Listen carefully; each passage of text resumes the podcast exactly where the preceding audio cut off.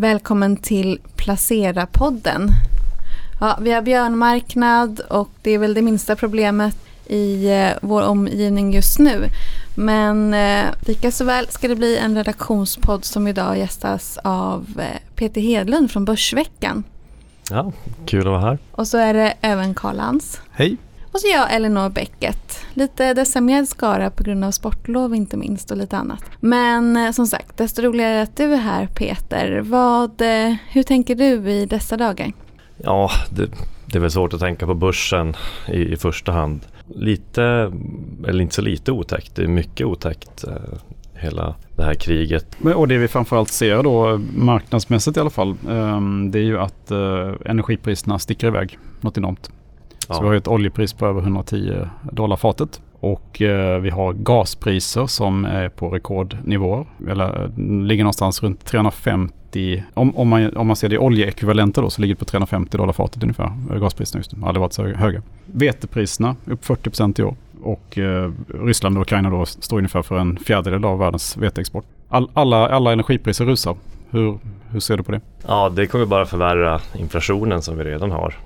För energi är ju insatsvara i princip allting.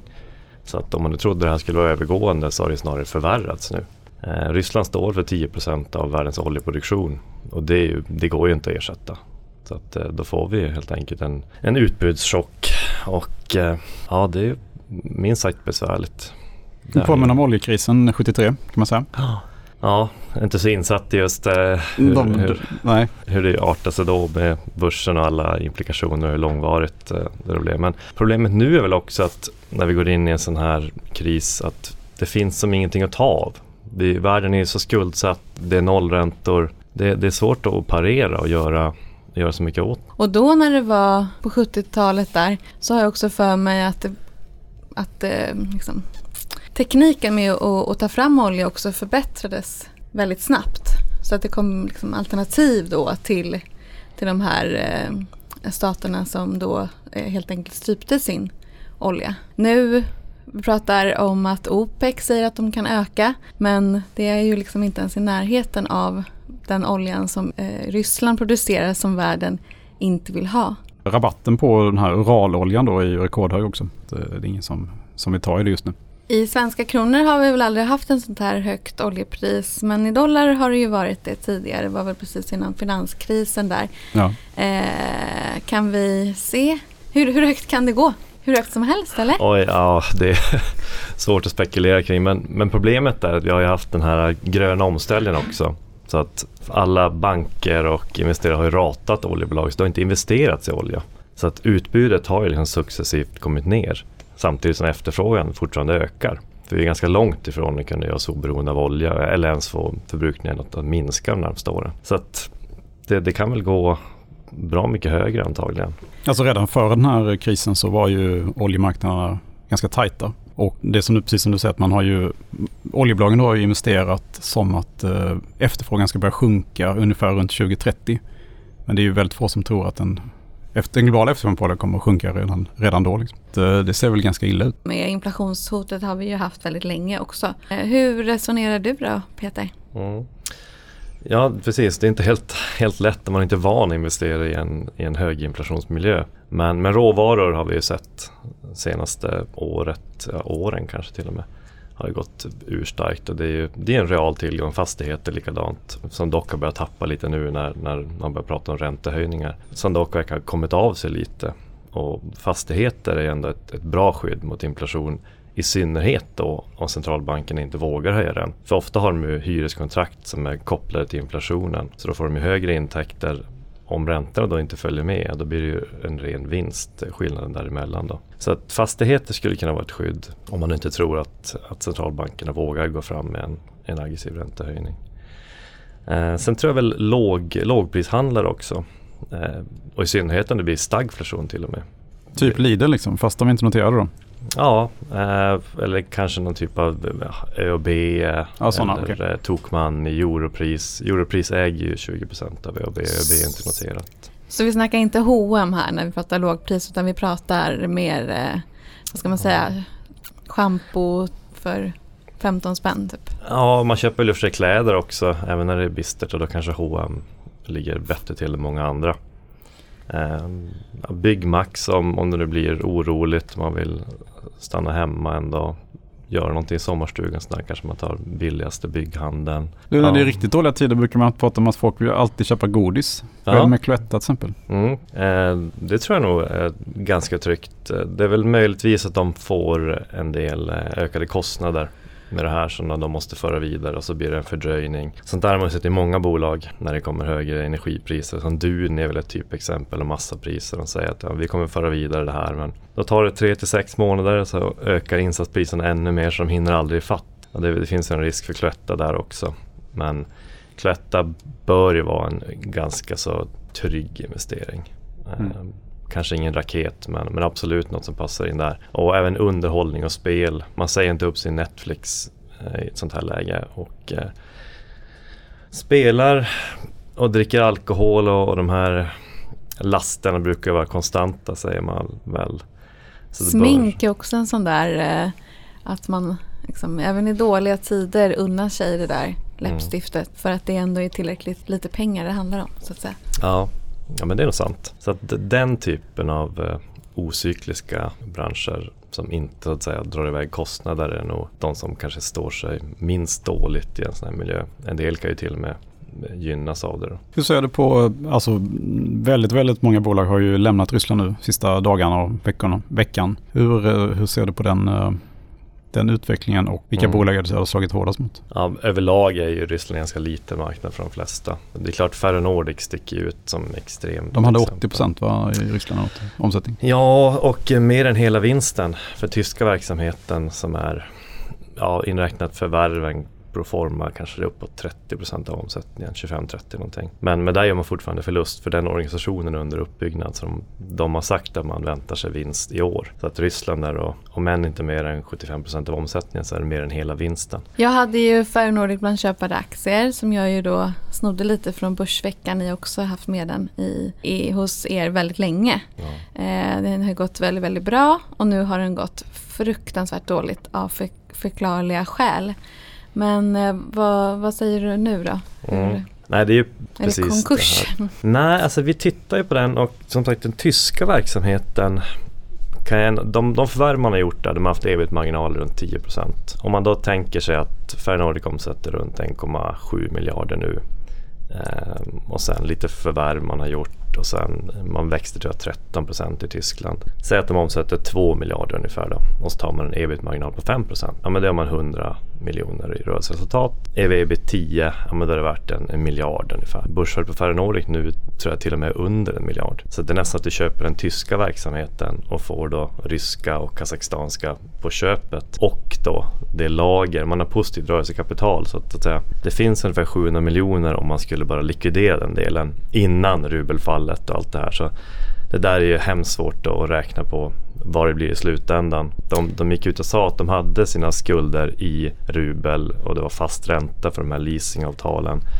Men risken är ändå att man har köpt in kanske från Sandvik eller Volvo i dollar och står med vissa skulder i dollar och så har du hela intäktssidan i rubel.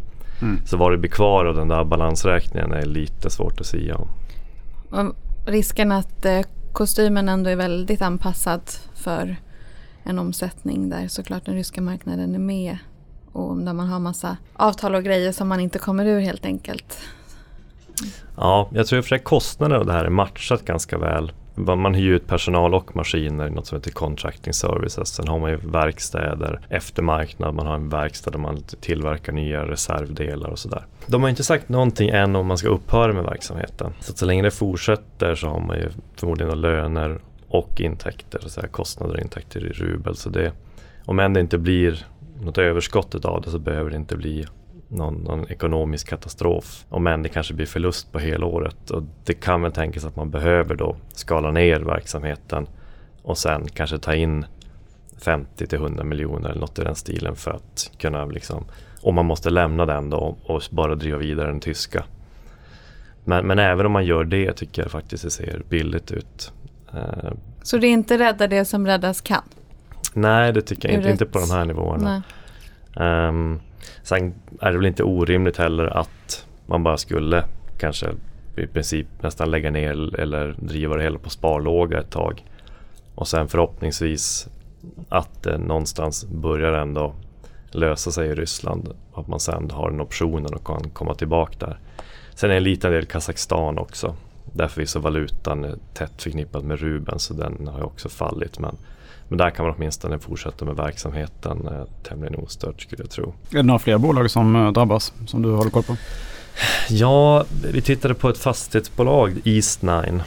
Just det, det är balt baltiska fastigheter. Mm. Ja, precis. Så de drabbas ju inte direkt då, tänker man ju. Men problemet är att de har ett innehav i Mellon Fashion Group.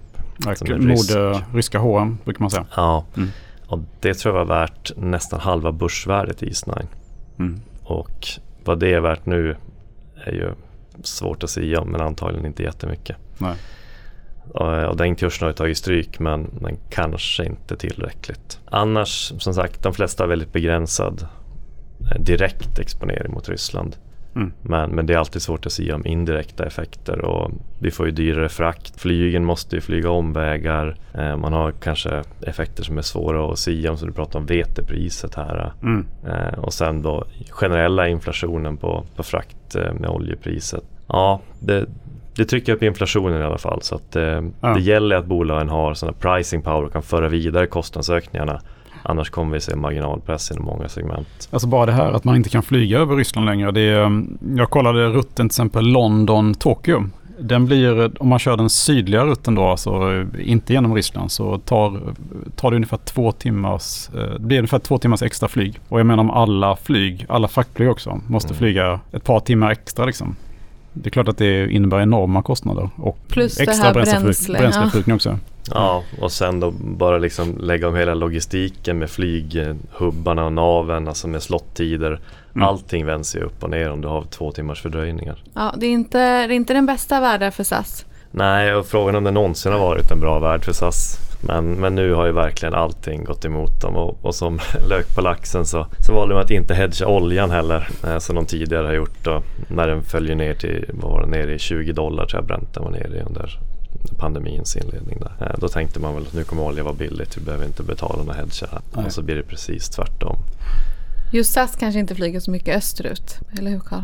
De har väl, eh, de har väl någon, några ett par Asienrutter och sådär från Köpenhamn då de har haft det. Men eh, det som det framförallt slår, alltså det bolag som jag vet är allra, allra mest utsatt det måste ju vara Finnair faktiskt. Mm. Som i princip bara lev, har levt på Asientrafik. Där är det ju en fullkomlig katastrof. Något annat som det varit väldigt mycket eh, snack om på sista tiden eh, och som du är väldigt uppsjungen på det är ju blankar, blankningen i SBB och de här väldigt stora rörelserna som har varit i SBB-aktien. Även det är ju en, en, en aktie som Börsveckan har skrivit väldigt mycket om. Ja, vad eh, det senaste där skulle du säga Peter? Mm. Den har vi ju grubblat mycket på när vi har sett kursen gå ner och gå ner och gå ner. Eh, förvisso eh, på ökad ränteoro som alla fastighetsbolag drogs med det fallet. Men sen så följde SBB mer och mer. Och, och aktien gick upp nära på 130 procent, kring 130 procent förra året ska tilläggas också. Ja, absolut. En fastighetsaktie. Mm. Och det är hög belåning så det, det, är inte konstigt liksom att, att den skulle falla mer än, om än de har billigare finansiering än de flesta så så är det inte konstigt att den faller. Eh, och sen var det någon vårdskandal i Frankrike som man var lite orolig över. Hur om det skulle drabba SBB med om man hade, även för de driftade och ägde fastigheterna som jag förstod det då. Man tänkte att man drog dem lite över samma kam, de här som äger samhällsfastigheter och, och vård och skola. Och sen har vi den debatten i Sverige också. Det eh, är Academedia som har tagit rejält med stryk med vinster i, i skolan och de är också en stor hyresgäst hos SBB. Och sen så började det ryktas lite om att det var väldigt mycket aktier blankade. Ehm, de... Som inte syntes i FIs register? Ja, precis. Att, eh, vi hade ju andra källor eh, som jag inte riktigt vet hur de får in sin data ens. Men Ortex är väl den vi har tittat mest på. Frågar på. kanske bankerna direkt eller? Ja, eh, kanske. Jag vet inte. Men så kom det ju då en rapport från Viceroy alltså en blankningsfirma. Eh, och jag antar att det är väl det som ni har lagt mycket tid på att liksom syna om det ligger någonting bakom det här. Eh, och gör det det då? Mm. Ja, precis. Eh, och där tog det ju ännu mer strykt. Så att rapporten släpptes ju, aktien föll ju 11 procent. och sen steg den 16 procent bara kort därefter så att förmodligen täckte ju många blankare direkt efter rapporten släpptes. Då. Eh, och där finns det en, en hel del kritik där man, mycket gammal skåpmat, som det här att man använder hybrider och D-aktier och hur de klassas. Eh, vilket är ganska, ja det är en icke-fråga egentligen, det, det är ingenting nytt för svenska investerare. Men, men bara kort, vad är, vad är det för något och varför, är, varför fokuserar de just på det? Liksom? Ja, det är väl hur man väljer att betrakta det. Då. D-aktier är ju då 100% eget kapital men där bolaget ska betala utdelningar. Så att någonstans som investerare bör man tänka sig att det här är en skuld för de utdelningarna ska betalas förutsatt att du ska ge utdelning på stamaktien. Så det är en invändning att det är liksom ett riktigt eh, skräpaktieslag. Vilket det förvisso är, men det är inte SVBs problem. Eh, och sen hybrider då. Det klassas också som eget kapital men beroende på hur, hur man ser på det så som investerare bör man betrakta det som en skuld för det i princip samma sak där men utdelningen inte är tvingande och det är inte en ränta utan det är en utdelning man betalar. Så det är lite te teknikaliteter där men poängen med det är att du får möjligheten att ta mer vanlig skuld mm. som du kan låna upp väldigt billigt. Så att det här går in som eget kapital då kreditinstituten säger att det är 50-50 till exempel. Men eh, poängen är egentligen att belåningen är högre än vad den så att säga, redovisas från investerares synpunkt. Är väl vad man kan säga. Mm. Men det är inte så att bolaget i traditionell mening löper samma risk att de måste betala tillbaka den här skulden. D-aktieutdelning kan de ställa in. Eh, de kan ställa in utdelning på hybriderna också. Så att det är inte den här liksom överhängande hotet om någon konkurs som man missar betalningar. Sådär. Men om man jämför med andra fastighetsbolag då?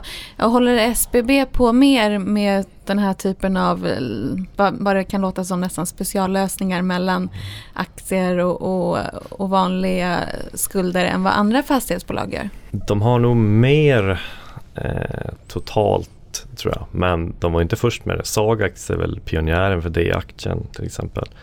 Akelius var ju tidigare, tidigare med en pref. Eh, och många bolag har ju följt efter. Eh, sen har du hybrider också. Vet inte hur utbrett det är. Men jag tror max du får 15% av balansomslutningen som hybrider. Så det är inte att man verkligen lånar upp enorma summor. Så att du men du är ju en riktig siffernisse och du liksom gillar att titta liksom i det finstilta. Du har inte stört dig på det här alltså? Jo, det har jag gjort.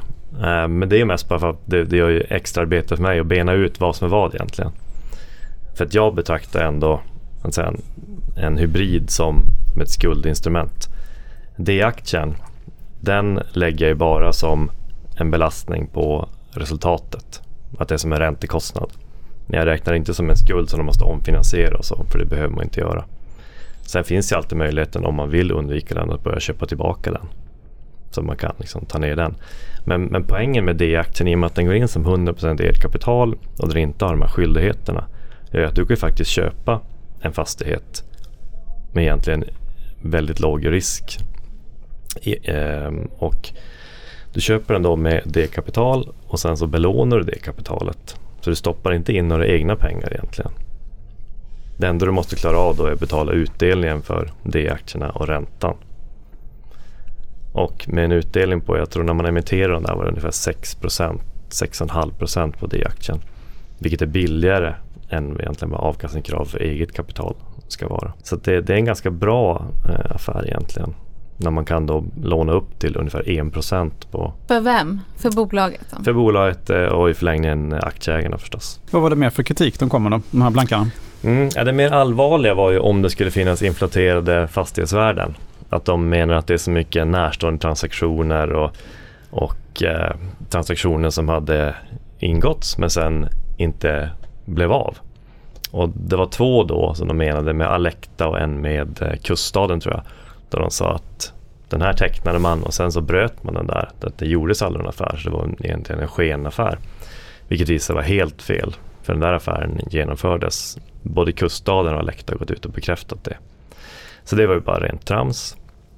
Eh, de andra transaktionerna är ju svåra att hänga med för det är så oerhört mycket transaktioner i SBB fram och tillbaka. Man Man sålde fastigheter till offentliga hus, sen köpte man upp offentliga hus, man köpte aktier i Masten, sen köpte man hela bolaget, man gjorde affärer med Wallenstam och det är mycket turer sådär. Och sen har man ofta emitterat, man, man betalar med både eh, eh likvida medel men också med aktier. Och då kan man alltid tänka sig att ja, men vadå, de betalar ju med aktier. Vid ett tillfälle när de köpte Odalen så emitterade man aktien till 70 kronor. Och vid det tillfället när man annonserade affären så stod SVB-aktien i 55 kronor ungefär. Då tänkte man så här, jaha men vadå, det blir ju affären värd mer, du får ett högre fastighetsvärde, du kan belåna mer och det ser ut att vara värt mer än vad det egentligen är. För de där 70 kronorna egentligen var värda 55. Men det här berodde egentligen på att man har gjort upp affären långt i förväg och då, har man ju, då stod ju aktien uppe i 65-68 spänn. Och man har ju alltid emitterat till små premier egentligen. Så det var nog mer en, en eh, ett resultat av, av just den branta nedgången i SB-aktien på kort tid. Eh, sen var det de här affärerna i, i Norge med eh, förskolor och där betalade man då det där läringsverkstädet med ungefär en tredjedel D-aktier och resten cash. Och då menar ju Viceroy, det var den senaste rapporten verkligen fokuserar på, att det här är en risk för läringsverkstäder. De kommer inte kunna bedriva sin verksamhet om inte SB betalar den här äh, D-aktiekupongen till dem. Då. Äh, och att marknadshyrorna egentligen inte är som, som de är utan att man har inflaterat dem. För då blir fastighetsvärdet högre och SB kan sätta ett högre värde på balansräkningen. Men den är egentligen inte marknadsmässig. Eh, vilket också verkar vara trams. Jag pratade med bolaget. De säger att de förändrade inte ens hyrorna när affären gjordes. Man bara förlängde hyreskontraktet. Eh, och så vitt jag kan tänka mig, enda incitamentet för att få upp hyran här, det är om ersättningsmodellen är att staten eller kommunen i Norge betalar liksom fasta kostnader plus en slant per barn. Men så vitt vi vet så finns det ingen koppling till fasta kostnader. Det enda vi har hittat är att man får inte ha lägre löner än vad kommunal verksamhet har. Och sen är det en peng per barn i princip med vissa variationer från kommun till kommun. Så det verkar inte heller, eh, ja, ingen ko på isen där tror vi.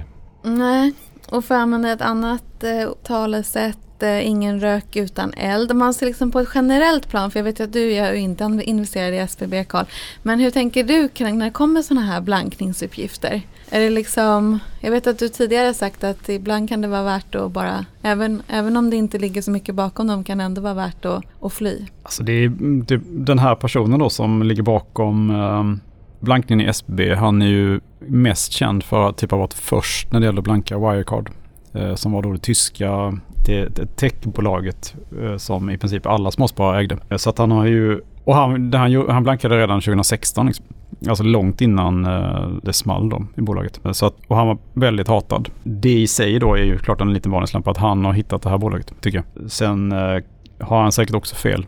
Om, man är, om man kan plocka isär det så bra som Peter gör så är det kanske mindre sannolikt att det stämmer. Men de flesta kan ju inte det. Så. Och då kan det vara bra att, att fly ja, sen, sen får vi se. Det, det, är klart att jag kan ha fel också. Um, men det är alltså väldigt många turer om man kan ha synpunkter på på styrningen. Som sagt, men det är ju svensk fastighetssektor i nötskal. Det är korsägande till höger och vänster. Mm. Eh, och jag kan verkligen förstå som, som utomstående att det ser lite kladdigt ut. Vilket jag också kan tycka från tid till annan att det är med alla de affärerna. Och i det här transaktionstempot är det svårt att hänga med. Men här känns det som att man, man ändå har kokat soppa på en spik i många delar. Eh, man har stört sig på det här med hybrider och det är aktier som som jag också förstår ser, ser konstigt ut och jag har väl lite svårt att förstå egentligen de som, som väljer att köpa de instrumenten. Men som, eh, som utfärdare så ser jag fördelarna med det. Och som mm. aktieägare vill jag då såklart att bolaget ska dra nytta av de här möjligheterna. Mm. Viceroy säger ju att eh, SB-aktien är värd någonstans mellan 10 och 15 kronor nästa år. Mm. Vad, vad, tycker ni att aktien är värd? 65-70 ungefär tycker vi nu den är värd. Mm. Um, de har ju en intjäningsförmåga när man, när man drar bort alla hybridutdelningar, utdelningar till D-aktier eh, och eh, de själva tror jag slår fast att de har 2,96 per krona eller per aktie i intjäningsförmåga. Men då ingår också JMs andelen av eh, rörelseresultatet i JM. De äger nästan 30 procent av JM. Så vi sållar för den Eh, och så drar vi en schablonskatt på 10% som man ofta gör i fastighetsbolag. Brukar det vara, jag tror det är 2,40 vi räknar på. Och sen kan man tänka sig att det är rätt ganska tryggt. Det är samhällsfastigheter, det är hyresrätter, eh, inflationsjusterat. Eh, man har kapitalbindning och räntebindning på tre och fyra år. Så att det är inte en omedelbar risk där. Eh, om det skulle bli att vi har stigande räntor och man måste skriva ner värden eller att det visar sig att vissa och de här fastighetsaffärerna har gjorts till vissa priser som är över marknaden, vilket jag i och för sig inte tror. Men där finns det ändå ganska gott om utrymme innan man slår i så kallade kovenanter som skulle göra att man tvingas återbetala skulderna.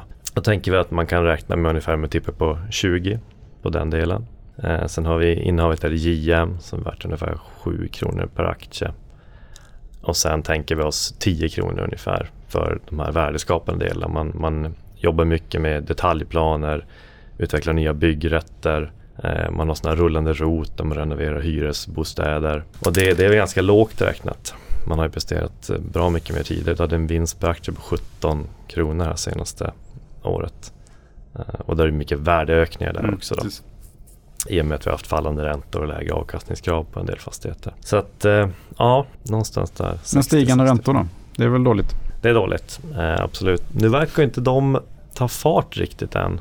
Men det är klart att man måste räkna med stigande räntor på tid. Men som sagt, det är också inflationsjusterade kontrakt. Så man fick ju nu 3% högre hyror ungefär. Och när man är så här stor också får man ju fördelar med billigare räntor. Och man emitterade ju faktiskt, jag tror nästan om det var 6 eller 700 miljoner euro eh, till minusränta här bara i januari. Det är klart att fastighetsbolag mår sämre när räntan börjar stiga. Men SBB tror jag inte mår sämre än någon annan i i branschen. Och sen, men så länge du har en realränta som är negativ, så inflationen är högre än den vanliga räntan, så är det fortfarande reala tillgångar, fastigheter du äger, som, som bör stiga i värde över tid. En annan tillgång eh, som, ju, eh, som vi verkligen får kalla för en realtillgång, det är ju guld. Ja, det, jag kikar lite grann på guldaktierna och guldpriset hittills i år har ju stigit med ungefär 5,5 procent.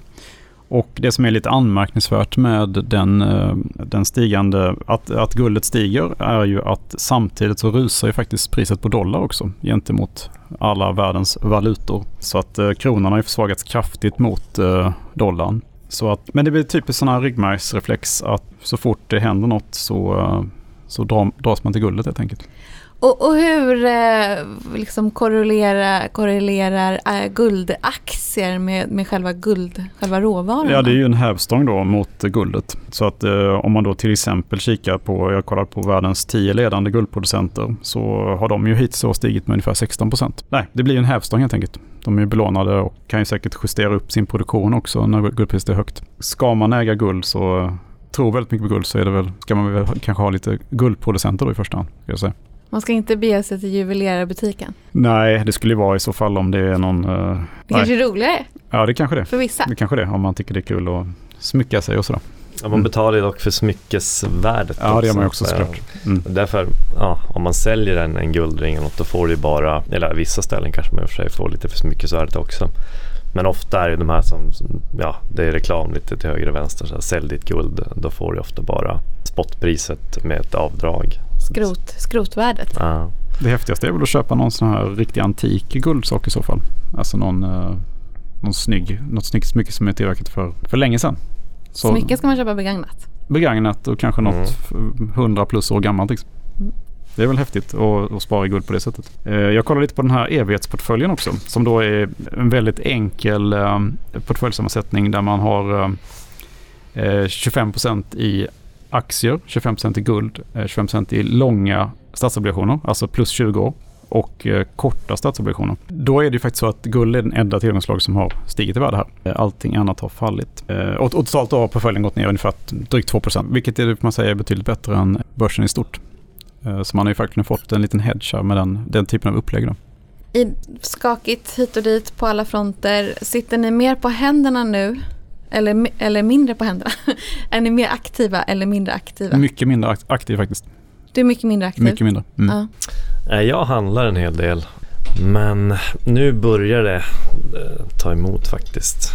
Eh, jag känner att jag vill inte gå så långt så att eh, krediten blir för tilltagen så att man sätter sig i en, i en dålig sits vid en nedgång. För att eh, det, det ska man ju aldrig utsätta sig för. Men ni är båda belånade nu? Ja, eh, Mer eller mindre än vanligt? Ja, mer än vanligt och, och det är sådär, jag tycker väl egentligen inte om att vara så pass högt belånad som jag ändå är nu relativt. Men med, med en hög inflation eh, så är det ju tämligen gynnsamt att, att låna pengar.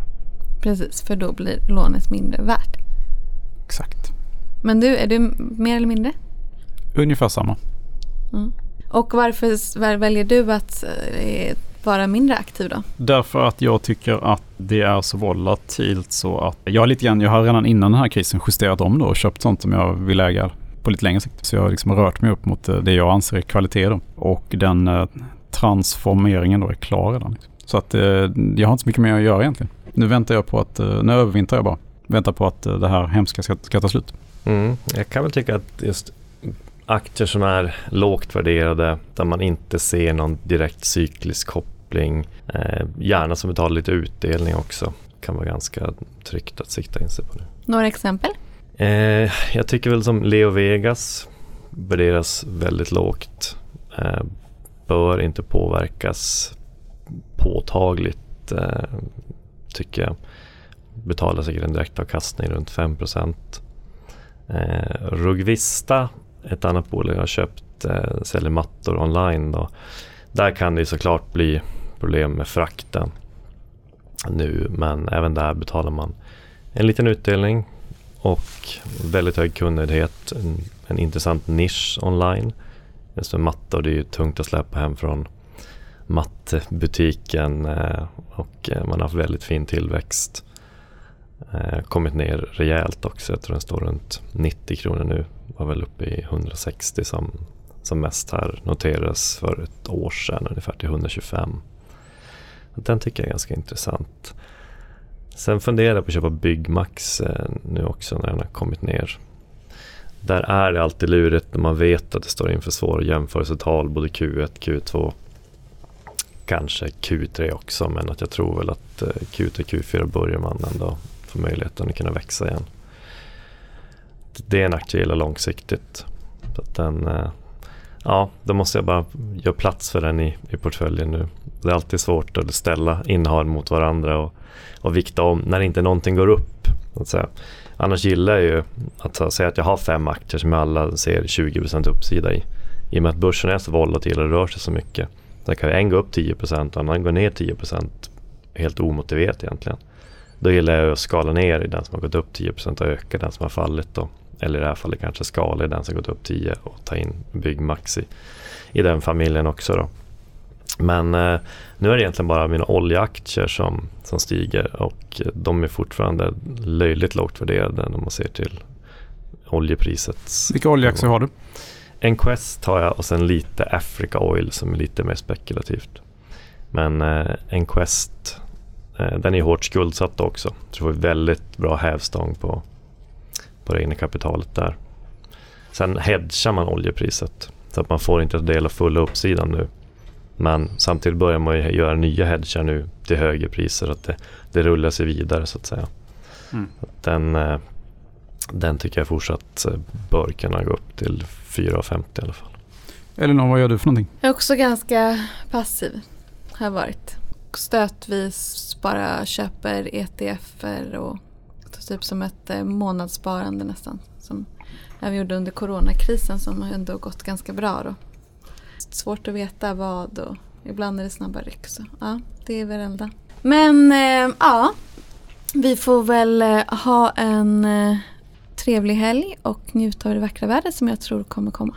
Tack för att ni har lyssnat. Tack. Hej! Hej.